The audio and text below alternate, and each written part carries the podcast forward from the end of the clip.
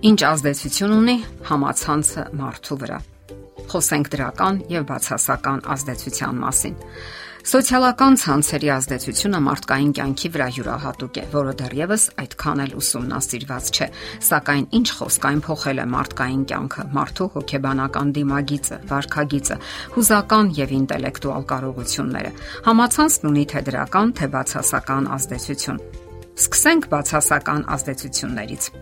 ինֆորմացիայի գերհագեցվածություն Սոցիալական ցանցերն առաջացնում են կախվածություն ինֆորմացիայի կամ տեղեկատվության նկատմամբ, որը երբեմն հիշեցնում է թմրանյութի բացակայության ժամանակ գործող մեխանիզմը։ Երբ մարդը երկար ժամանակ ինֆորմացիա չի ստանում, բացը լրացնելու կպչունություն է ձեռք բերում։ Եվ բացի դրանից, ցանկացած ինֆորմացիայի կամ տեղեկատվության շատը, նույնիսկ դրականը, սթրես է մարդու համար, քանի որ խախտվում է մարդու հոմեոստատիկ հավասարակշիռ վիճակը։ Համացանցը մարդուն կտրում է իրականությունից։ Մարդը համացանցի ներսում սկսում է բավարարել սիրված ու կարևորված լինելու, հեղինակություն ձեռք բերելու, ինչ որ մի բան սովորելու, ընկերներ գտնելու, շփվելու պահանջմունքը։ Այդ ամենը իրականացնում է նկարներ եւ գրառումներ հրապարակելով, ինչ որ խմբեր մտնելով, քննարկումներ ծավալելով։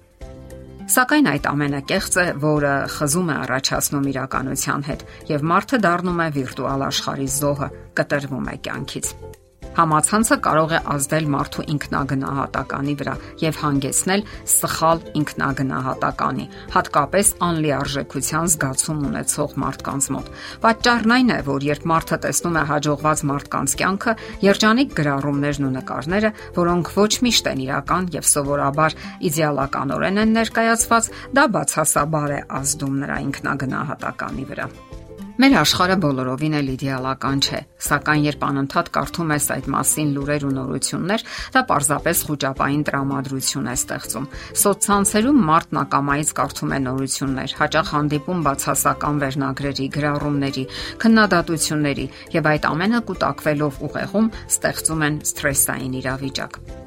Չմոռանանք նաև ագրեսիայի մասին։ Ագրեսիան եւ հայհոյախառն գրառումները սոցիալական ցանցերում բավականին հանդիպող երևույթներ են։ Դրանք շատ են հատկապես կոմենտներում կամ մեկնաբանություններում, եւ ուշագրավն այն է, որ մարդիկ հակված են կարդալու դրանք, նույնիսկ պատասխանելու։ Եվ ընդհանուր առմամբ այդ ամենը ձևավորում է սովորություն, ազդում մարդու հոգեկան աշխարհի վրա։ Մարդիկ յենթագիտակցաբար սկսում են կրկնել կամ նմանակել այդ արտահայտ չամիջոցները, քանի որ դրանք համակցվում են ուժի եւ իշխանության հետ։ Այնքան էլ հեշտ չէ զանազանել կեղծն ու իրական լուրերն ու նյութերը։ Մարդիկ սոցիալական ցանցերում ներկայանում են որպես բարի հրեշտակներ։ Իսկ արդյոք դա այդպես է։ Արդյոք ամպագորգոր խոսքերի տակ սովորական ինքնագովազդ չէ թաքնված։ Համացանցը այն ոլորտն է, որտեղ մարդն իրեն թեթևորեն ներկայացնում է որպես բարի, երջանիկ, հայրենասեր կամ խելացի անznավորություն, եւ այդ կեղծ կերպարը կերտվում է նկարների, գրառումների, մեկնաբանությունների միջոցով, ինչը པարս ձեռնացություն է։ Սակայն ցավալին այն է, որ որոշ մարդիկ մարդիկ հավատում են դրան։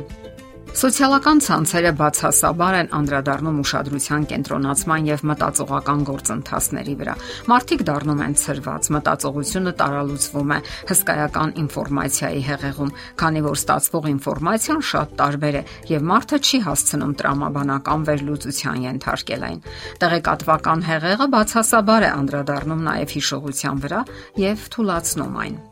Անկարևոր չէ նաև մարդու հանգստի ու քնի պահը։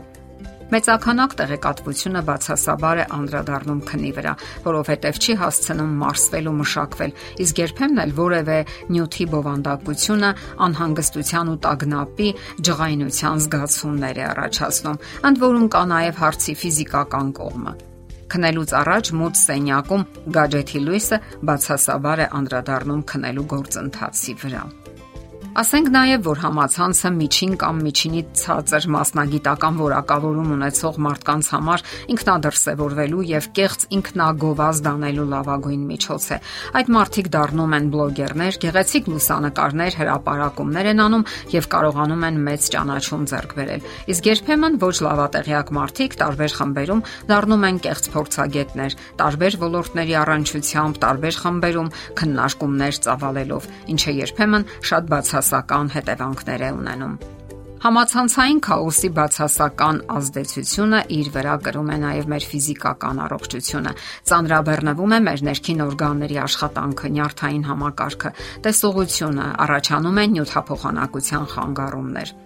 Սկզբում համացանցն այնքան անվնաս էր թվում, գայթակղիչ, լիցքաթափող, հետաքրքիր, սակայն աստիճանաբար այն կլանում է մարդուն եւ ձգում դեպի իրեն։ Եվ այդ փաստը այսօր շատերն են նկատում իրենց կյանքում եւ փորձում են ազատագրվել։